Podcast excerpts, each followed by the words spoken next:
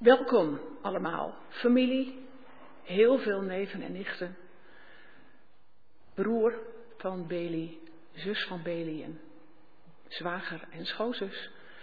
En eh, bekenden, uh, mensen van Mariposa die meekijken via internet, heb ik begrepen, dus u ook van harte welkom.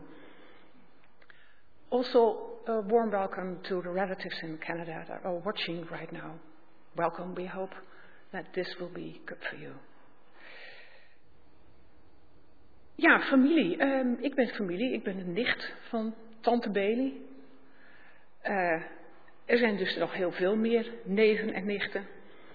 Um, ja, wij hebben uh, allemaal wel speciale herinneringen aan onze tante Beli.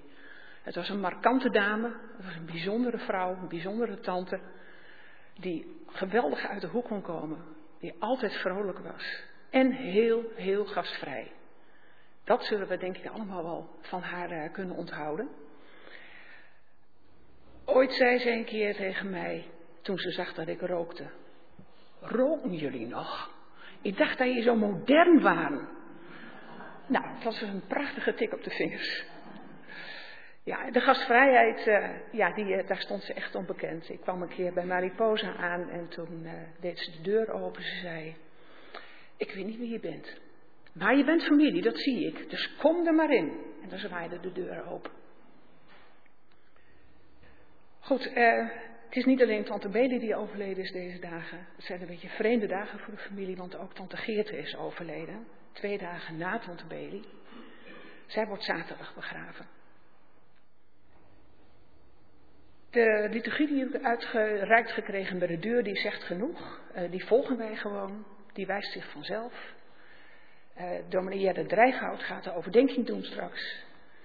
En we beginnen nu met Psalm 91, het eerste vers.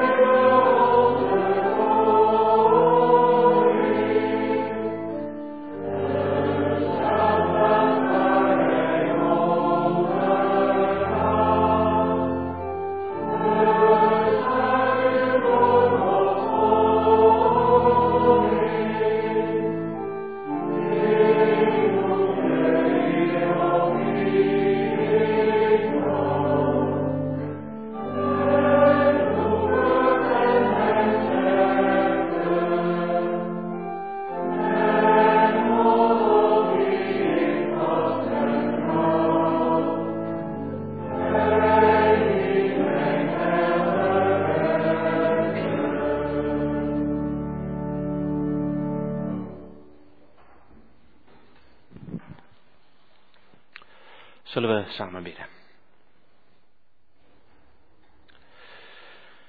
Goede God, Vader in de hemel. Vanuit verschillende hoeken van ons land zijn we vandaag naar het harde gekomen om afscheid te nemen van Beli Evink, onze zus, onze tante, onze vriendin, onze zus in het geloof. U hebt haar thuis gehaald, ze mocht 93 jaar worden. En vandaag zullen we haar lichaam begraven. Begraven in het geloof dat zij in de toekomst, als Jezus terugkomt, zal opstaan uit haar, uit haar graf en dat we haar weer zullen zien. Want ons leven is niet maar een moment in de geschiedenis, een zucht. Zo lijkt het soms wel. Als je bedenkt hoe vluchtig ons leven kan zijn. We zijn als gras dat opkomt en morgen weer verdort. Maar in geloof weten we dat ons leven kostbaar is in uw ogen. U hebt ons met uw vingers gemaakt als unieke mensen.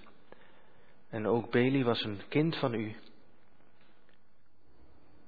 Bescheiden, niet opvallend, maar u kende haar. En U hield van haar. En ook zij mag nu de heerlijkheid genieten die we in Christus Jezus mogen ontvangen. Ze zag er naar uit. We zijn op deze verdrietige dag blij en dankbaar dat ze haar bestemming heeft bereikt. We bidden om kracht voor deze dag. Het blijft voor ons een moeilijke opgave om afscheid van iemand te nemen die zo deel van ons leven was. Beli was een van een groot gezin. Veel broers en zussen zijn haar al voorgegaan. Hier in Nederland, maar ook in Canada. En afgelopen zondag, kort na haar overlijden, stierf ook haar zus Geerte. En Kobi en Tim zijn van dat grote gezin nog de enige onder ons. Wilt u hen in het bijzonder nabij zijn als ze deze week twee zussen moeten begraven? En geef ook kracht voor allen, voor wie Beli een lieve tante was of een goede vriendin. Helpt u ons om boven het graf onze Heer te zien, die leeft en regeert tot een eeuwigheid. Laat zijn licht in deze samenkomst schijnen, in het woord dat we lezen, in de liederen die we zingen. Dat bidden we uit genade. Amen.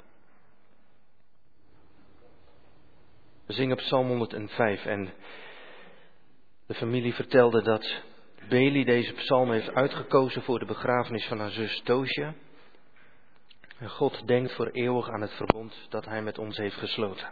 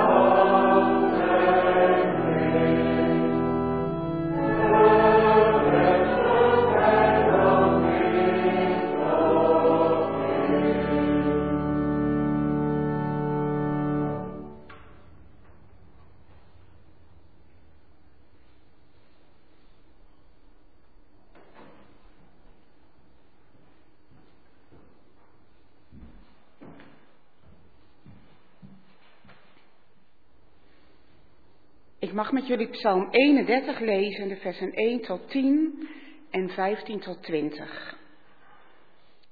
Bij u, Heer, schuil ik. Maak mij nooit te schande. Bevrijd mij en doe mij recht. Hoor mij. Haast u mij te helpen. Wees voor mij een rots, een toevlucht, een vesting die mij redding biedt.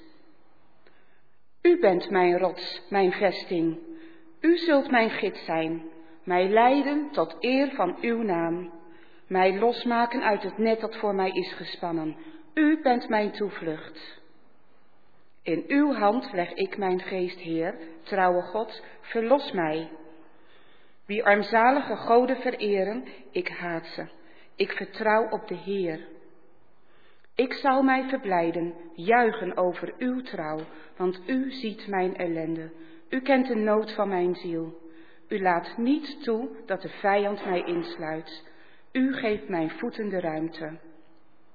Heb erbarmen, Heer, want ik verkeer in nood. Mijn ogen zijn gezwollen van verdriet. Mijn ziel en mijn lichaam verkwijnen. Maar ik vertrouw op U, Heer. Ik zeg, U bent mijn God. Mijn lot en mijn leven zijn in Uw hand. Bevrijd mij van mijn vijanden en vervolgers. Laat het licht van Uw gelaat over mij schijnen. Toon Uw trouw en red Uw dienaar. Heer, U roep ik aan. Maak mij niet te schande. Laat de goddelozen te schande staan en verstommen in het dodenrijk. Zwijgen moeten de leugenaars die hoogmoedig en vol verachting rechtvaardige mensen beschuldigen. Hoe groot is het geluk dat u hebt weggelegd voor wie u vrezen, dat u bereid hebt voor wie schuilen bij u. Heel de wereld zal het zien.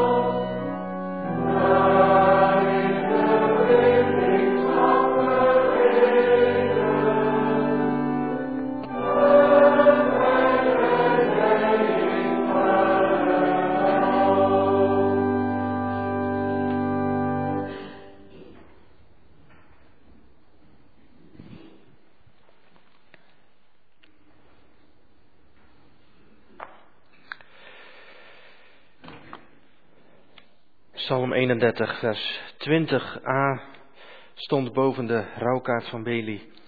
Hoe groot is het goed dat gij hebt weggelegd voor wie u vrezen.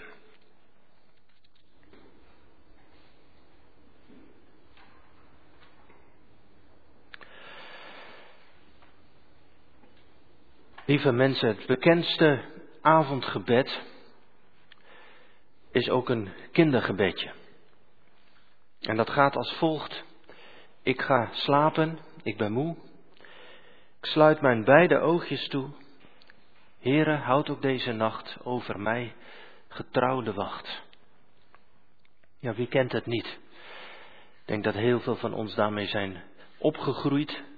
Onze ouders hebben dat gebeden. We hebben het later samen gebeden met onze ouders. Ria Borkent heeft er een hele mooie nieuwe tekst op geschreven. Ik ga slapen, ik ben moe. Heere, dek mij lekker toe met uw liefde, warm en zacht. En bewaar mij deze nacht. Zo zong ik het vroeger met mijn kinderen. Wat een krachtig gebed is dit eigenlijk voor onze kinderen. Ik denk dat we nauwelijks beseffen wat we onze kinderen meegeven door hen dit al te leren van hun vroegste begin. Dat vertrouwen dat uit dit gebed spreekt. Want de dag is weer voorbij voor een kind. Heeft van alles meegemaakt. Mooie, verdrietige dingen. Misschien een ruzie gemaakt met een broertje of zusje. Gepest op school. Zelfs als ouder heb je soms geen idee. En dan gaan ze naar bed. Licht gaat uit en dan gaan de kopjes malen. Dan kan ook de angst komen. Wat als papa en mama er niet meer is? Wat als er oorlog wordt in Nederland? Kleine kinderen kunnen dat allemaal niet overzien. En dan leer je als ouders niet aan je kinderen dat, dat je als vader of moeder een soort God bent die je kind altijd zal beschermen. Maar dan wijs je je kinderen op de Heer. De God en Vader in de hemel. Die er altijd zal zijn en die over zijn kinderen waakt. Op Hem mag je vertrouwen. Wat geef je je kinderen ongelooflijk veel mee met zo'n eenvoudig kindergebedje.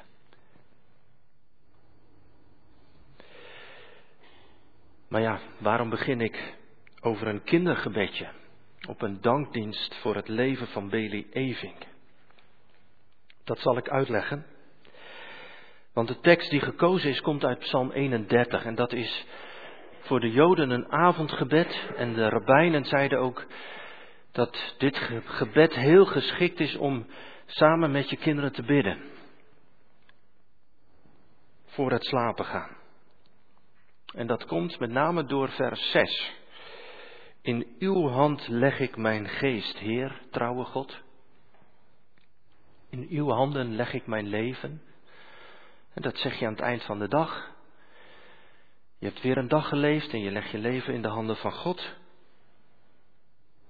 En dat zegt David niet omdat hij denkt binnenkort te gaan sterven, maar omdat hij graag wil leven en overtuigd is dat God hem ook zal verlossen. Ook uit alle benauwdheden die hij meemaakt.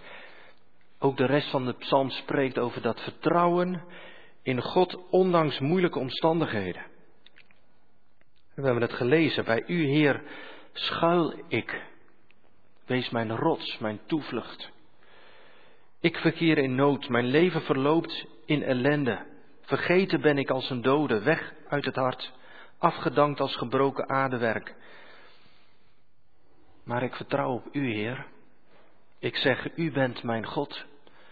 Mijn lot en mijn leven zijn in uw hand. Prachtig om zo de dag af te sluiten. Prachtig om zo aan het eind van de dag alles wat je hebt meegemaakt die dag aan mooie, moeilijke dingen, om dat bij God te brengen. Alle tegenslagen, alle momenten dat je het gevoel hebt dat je er alleen voor staat. Misschien zelfs het gevoel hebt dat mensen tegen je zijn je, je het moeilijk maken. dat alles leg je in de handen van de Heer, mijn lot en mijn leven in uw handen. Bij u schuil ik, ik vertrouw op u. Maar wat nou zo bijzonder is, onze Heer Jezus heeft dit avondgebed gebeden aan het kruis. Vlak voor zijn sterven. Dit waren zijn laatste woorden. Lucas vertelt ons daarover. Vader, in uw handen leg ik mijn geest. Dat zei hij nadat hij de drie uren duisternis heeft meegemaakt, waar hij uitriep, mijn God, mijn God, waarom hebt u mij verlaten? Na die drie uren duisternis zei hij nog, het is volbracht. En kort daarna volgende woorden, Vader, in uw handen leg ik mijn geest. Jezus legt vol vertrouwen zijn leven in de handen van zijn Vader. En sterft. Zo bewust doen wij dat meestal niet. En Bailey ook niet, denk ik. 93 jaar geworden. De laatste jaren heeft de ziekte dementie haar behoorlijk parten gespeeld. Ze kon erg in de war zijn. Maar gelukkig herkende ze haar dierbare nog steeds. En haar kinderlijk vertrouwen in God is ze nooit kwijtgeraakt. Ze voelde zich veilig bij God. Ze wist dat God haar vasthield tot het einde. En ze wist ook dat ze het beter zou krijgen dan dat ze het hier op aarde ooit zou kunnen krijgen. Zij had vers 6 ook heel goed op haar sterfbed kunnen zeggen: Vader, in uw handen leg ik mijn leven.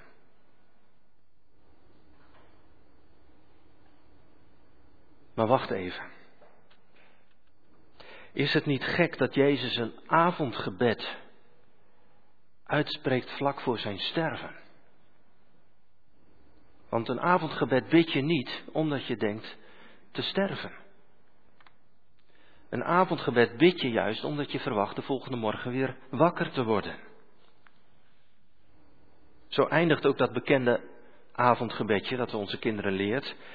Doe mij dankbaar en gezond opstaan in de morgenstond. Als ik mijn ogen open doe, lacht uw zon mij vriendelijk toe. Het feit dat Jezus Psalm 31 op de lippen nam, laat ons zien dat Hij zijn sterven, de dood, niet als een eindpunt zag van zijn leven. Hij sprak deze woorden nadat hij uitriep: Het is volbracht.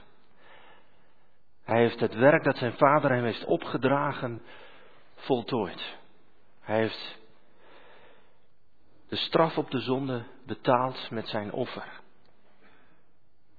En daarmee is de dood zijn greep op zijn leven, op ons leven kwijtgeraakt. En dat wist Jezus toen hij stierf. Hij zou sterven, maar ook weer opstaan. En daarom bad hij dit avondgebed. In uw handen leg ik mijn leven, Vader. Want u bent trouw, u zult mij niet in het graf achterlaten. Vol vertrouwen dat zijn vader hem zou opwekken op de derde dag, bad hij Psalm 31.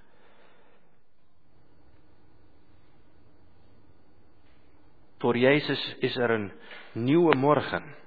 En niet alleen voor Hem, maar voor allen die op Hem vertrouwen.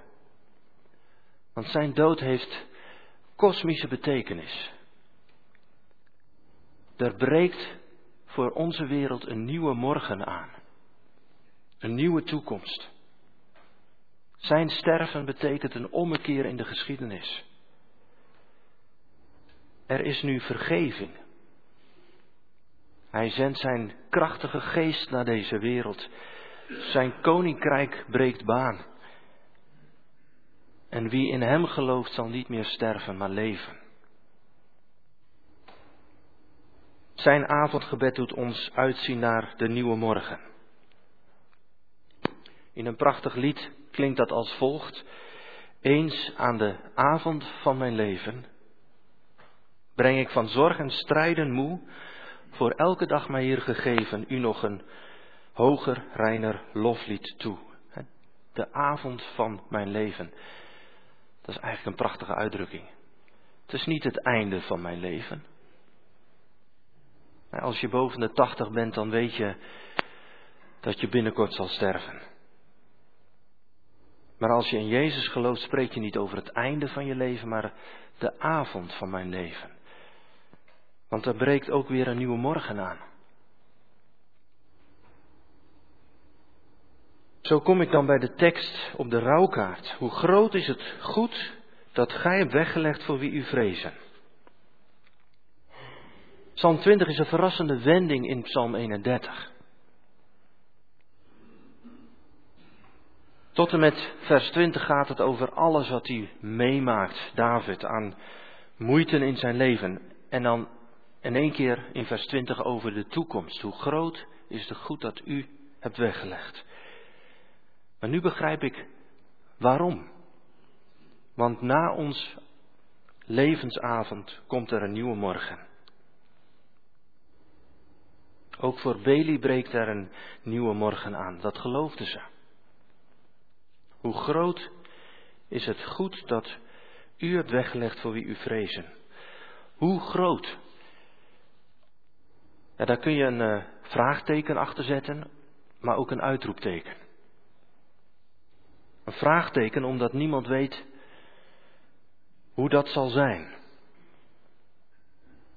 Maar een uitroepteken is ook op zijn plaats. Want het zal groter zijn dan we kunnen bevatten. Mooier dan in onze dromen. Hoe groot is het goed? Dat is een heel open woord. Het goed. De nieuwe Bijbelvertaling vertaalt het met het geluk. Hoe groot is het geluk dat u wilt geven? Ook zo open woord. Maar het is direct verbonden met de goedheid van God. God is de bron van al het goede, de bron van eeuwig geluk. Het gaat dus om het ervaren van de goedheid van onze God. Van het geluk om in Gods nabijheid te mogen zijn en van Hem te genieten. Dat is ons doel.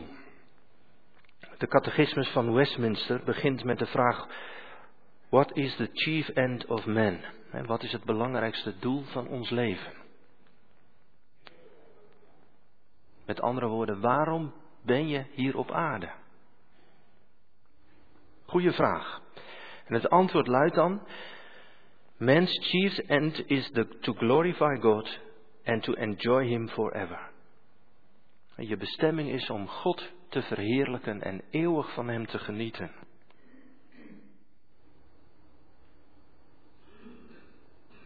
Eeuwig geluk, dat is thuiskomen bij de God op wie je vertrouwd hebt in het leven. Voor wie je ontzag hebt gehad. Die ons altijd heeft beschermd. Hij die mijn lot en mijn leven in zijn hand houdt die mijn gids is door het leven en mij zal leiden tot eer van zijn naam. Vanaf vers 20 verandert de toon van de psalm. Van bidden gaat het nu over op danken en prijzen. En het valt dan op als je het eerste en tweede deel met elkaar vergelijkt, dat ja, eigenlijk de zaken waar David om gebeden heeft in vers 1 tot 19 verhoring krijgt in vers 20 en, tot, en volgende. Vers 20. Hoe groot is het goed dat u, wilt, dat u hebt weggelegd voor wie u vrezen, voor wie bij u schuilen. En daar begon de psalm ook mee. Bij u, Heer, schuil ik. Vers 21. Dan lezen we, u beschermt hen voor de listen van mensen, voor de laster van kwade tongen. Dat is precies waar David zo'n last van had. Van leugenaars, die rechtvaardige mensen beschuldigen. Vers 23. U hebt mijn smeekbeden verhoord. Dat is precies waar hij in vers 3 om gevraagd hebt. Hoor mij, Heer. De conclusie van deze psalm mag duidelijk zijn. Als je je leven legt in Gods handen. Met alles wat je meemaakt. Ook aan nare dingen, ook aan wat mensen je misschien aandoen. Ook alles wat je tegenzit. En dan mag je erop vertrouwen dat God je hoort en je helpt. Hij belooft eeuwige redding en eeuwig geluk. Bij hem breekt er altijd weer een nieuwe morgen aan.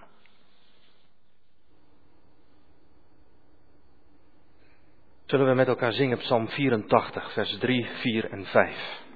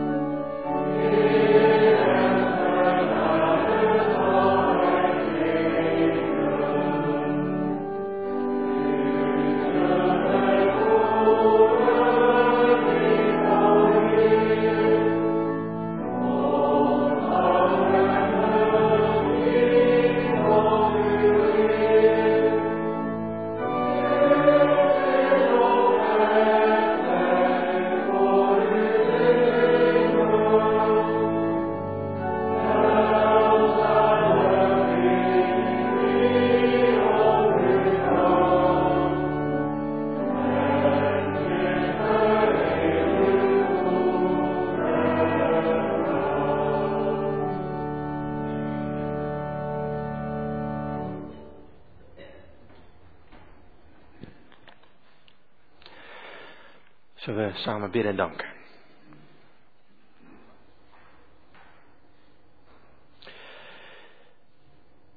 Wij willen u danken, God van het leven. Danken dat het leven voor wie gelooft niet doodloopt. Het is geen einde, het is, het is een avond waarop we uitzien naar de nieuwe morgen. U, Heere Jezus, u bent ons voorgegaan. U bent de eersteling uit de doden. U legt uw leven in Gods handen, vol vertrouwen. En uw Vader heeft u majestueus uit de dood opgewekt. En in navolging van Hem leggen ook wij ons leven in uw handen. Elke dag van ons leven. Met al zijn moeiten en verdriet. Vol vertrouwen dat u ons bewaart in de palm van uw hand. En dat u ons zelfs door de dood heen beschermt. Dank u dat u Beli dat vaste vertrouwen gaf. Dat u haar het de gave van het geloof gaf. Dank voor wie zij was als zus, als tante en vriendin. Dank dat zij voor Toosje en voor haar moeder kon zorgen toen haar broers en zussen uit huis gingen. Dank voor haar dienstbaarheid. Dank ook dat ze de laatste jaren van haar leven in Mariposa mocht doorbrengen. Op de plek waar ze ooit is opgegroeid. Dank u dat ze altijd zo dankbaar en tevreden bleef, ondanks dat ze leed onder dementie en ouderdom. Dank u dat ze vorige week vrijdag ook in vrede mocht sterven. Heren, wilt u ons allen nu kracht geven voor de begrafenis?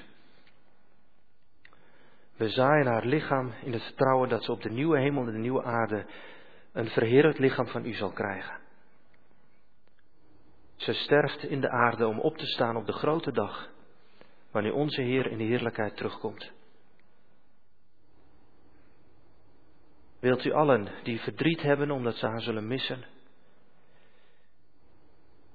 maar misschien ook verdriet om wat geweest is en nooit meer terug zal komen, wilt u hen troosten? U hebt voor alles een tijd bepaald en alles een goede plek in de tijd gegeven. Wij ondergaan dat, we doorgronden dat allemaal niet. Maar u leidt alle dingen volgens uw plan. Wilt u ons dat vertrouwen geven als we ook weer van hier naar huis gaan? Dat bidden we uit genade. Amen.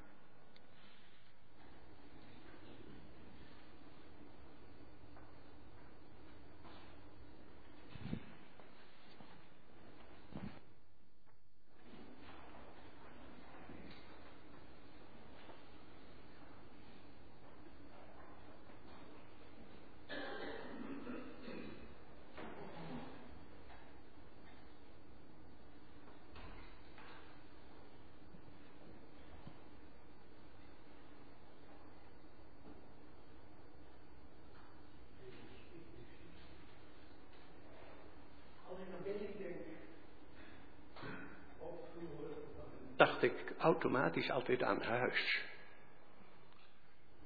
Want Billy was altijd thuis.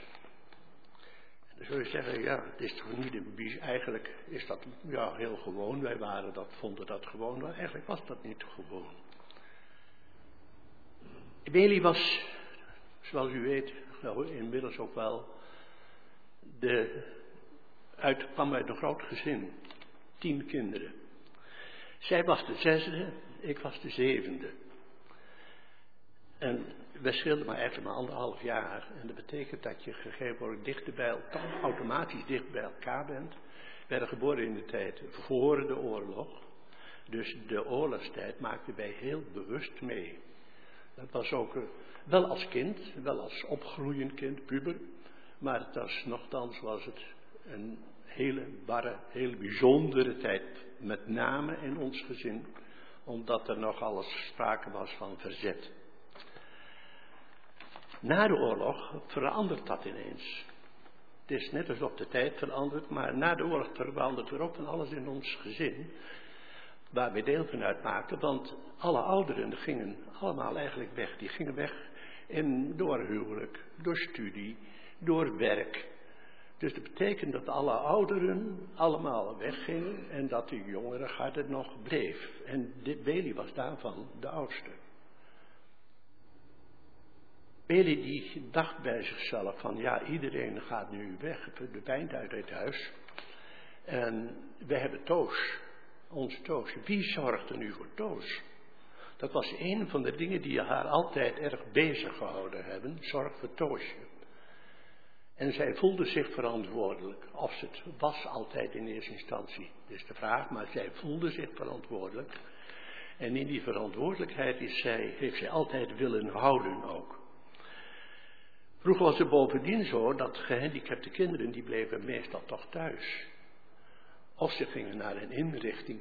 Nou, daar moest je toch niet aan denken bij naar een inrichting. Dus zij deed wel een schoolopleiding, de muulopleiding. En dat kon ze ook goed.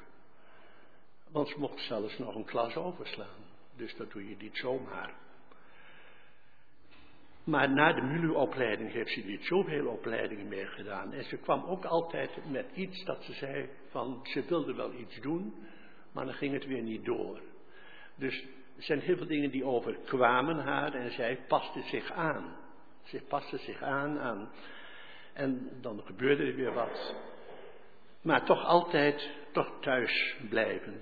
Dat is dan al vrij lange tijd. En dat wordt dan gewoon. Dus uiteindelijk was het zo dat er een klein gezinnetje was. Vader, moeder, Beli en Toos. En er is jaren zo geweest. Maar dan valt vader weg. En dan zijn ze met z'n drieën. En dan valt moeder weg. En dan zijn ze met z'n tweeën. En Beli dacht eerst nog, want ik heb het toen veel met haar gehad, dacht toen nog van dat zij Toos alleen zou kunnen opvoeden. Eindelijk, gelukkig bleek dat dat niet kon. Dus Toos is na enige tijd, niet zo lang, uit huis geplaatst. En toen was Billy eigenlijk helemaal alleen. En dat is ook zo gebleven. Ze was toen toch alweer langzamerhand op gevorderde leeftijd. Dat is ook zo gebleven. En ze heeft toen echt een behoorlijke goede tijd gehad. Totdat zij op Mariposa kwam. En Mariposa, dat was heel bijzonder voor haar. Dat was een prachtige plek. Daar heeft ze het heel, heel erg goed gehad. Nog steeds heel veel dank voor het verzorgende personeel van, uh, van Mariposa. Had ik Tamarisk, geloof ik, of niet? Nee, Mariposa, van Mariposa. Ik heb er vaak op gezocht, de sferen die er was. Ze heeft het daar heel, heel goed gehad. En daar gaat mijn grote dank naar uit. Ook namens de familie. Die ook heel veel gedaan hebben voor Bailey. Ook nog voordat zij op Mariposa was. Dat was Kobe en Dick. Eigenlijk denk je dan zo vaak van, ja, die wonen dichtbij, die kunnen het ook het gemakkelijkste doen. Maar ik geef je het maar te doen. Alles, bij gebeur, alles wat gebeuren moet. En in dit geval is dat ook zo geweest. Kobe en Dick hebben heel veel gedaan. En de laatste jaren op Mariposa, Janine. Ik moet haar echt noemen en bedanken dat zij zich zo ingezet heeft voor alles wat Bailey betreft in die laatste levensjaren. Jij was het dichtst bij haar. Maar vanuit de kerkelijke gemeente ook hier. De kerkelijke gemeente had goed contact. Zij voelde zich niet thuis. Ik dacht later ook nog, ja, zij heeft eigenlijk de kerk hier meegemaakt vanaf de institutie van de kerk. Dat dacht ik wel eens ongeveer de jaren 60 zijn geweest, 59, 60 of misschien wel eerder. En in elk geval, dus zij kende ook heel, het hele gebeuren hier vanuit van dat kerkelijk gebeuren. En er kwam iemand die kwam haar heel vaak opzoeken. En dat was in dit geval, ik noem haar een naam. Dat is Bea van der Wal. Ze is ook hier. Ook haar wil ik heel hartelijk bedanken voor alles wat zij steeds weer, weer zorgde voor Billy. En wat ik ook als naam noem, Anna Tromp hoorde ik. Ik dacht dat Anna Tromp ook bij, in Mariposa werkte. En die noemde haar Beli, had ze een bepaalde naam voor, Bella Fuchs. Ik heb die naam, ik weet ook niet hoe ze daar aankomt, maar goed, dat werd dus vaak gezegd. En Beli kon ook hartelijk lachen. Dus ook, ook in die gevallen, ook Bea van der Wal en, en Anna Tromp, hartelijk dank voor alles wat er gebeurde. En ook voor alle bezoek van de kerkelijke gemeente. Beli zei, als over haar sterven dachten, zei ze, vader komt mij halen. Vader komt mij halen. Vader heeft er ook gedaan. Vader heeft haar gehaald, gebracht naar het huis, waarvan, dat weet u wel, vele, vele kamers zijn.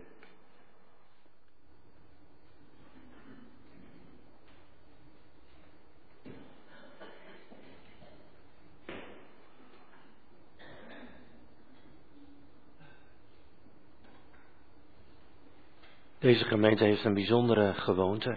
Misschien hebt u bij binnenkomst al uh, een aantal borden met namen zien hangen en hiervoor een bord. Wanneer een kindje gedoopt wordt hier in de kerk, dan schrijven de ouders de naam bij op een bord dat God met onze kinderen een verbond sluit. Wanneer ze hier in de kerk belijdenis doet, hebben ze een bord waar ze hun naam bij schrijven. En bij het overlijden wordt de naam bijgeschreven bij dit bord waar staat wie in mij gelooft zal leven, ook al is hij gestorven. En mag ik uh, Janine vragen om nu de naam van Beli Evink bij te schrijven.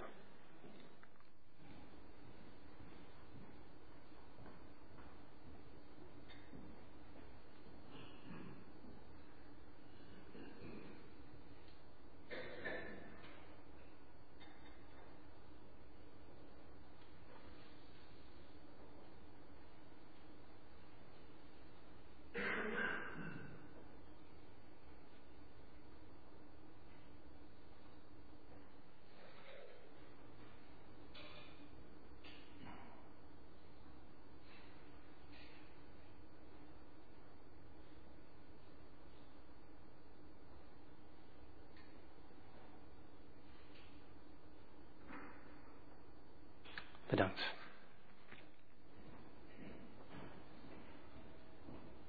Ons laatste lied is lied 257. Daarmee sluiten we deze samenkomst af en ik wil u vragen om daarvoor te gaan staan.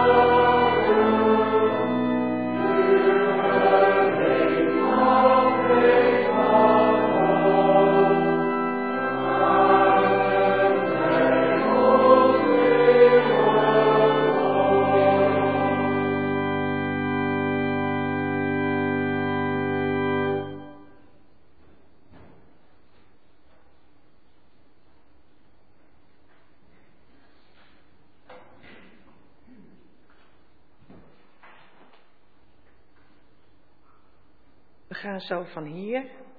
Normaal is het dat de familie als eerste vertrekt, maar aangezien jullie eigenlijk allemaal familie zijn, willen we u vragen, uh, de dragers begeleiden Beli zo naar de rouwauto. De broers en zus en de partners, die gaan er straks als eerste achteraan. En dan mag u gewoon volgen. En dan zien we elkaar weer terug op de begraafplaats. Mag ik de dragers vragen naar voren te komen? Nog één ding, bij de begraafplaats is het zo dat bij voor de begraafplaats zijn een aantal parkeerplaatsen. Als u die voorbij rijdt en u komt aan de linkerkant het bos in, dan zijn daar ook een aantal parkeerplaatsen waar u de auto ook kan parkeren. Mag ik de dragers vragen?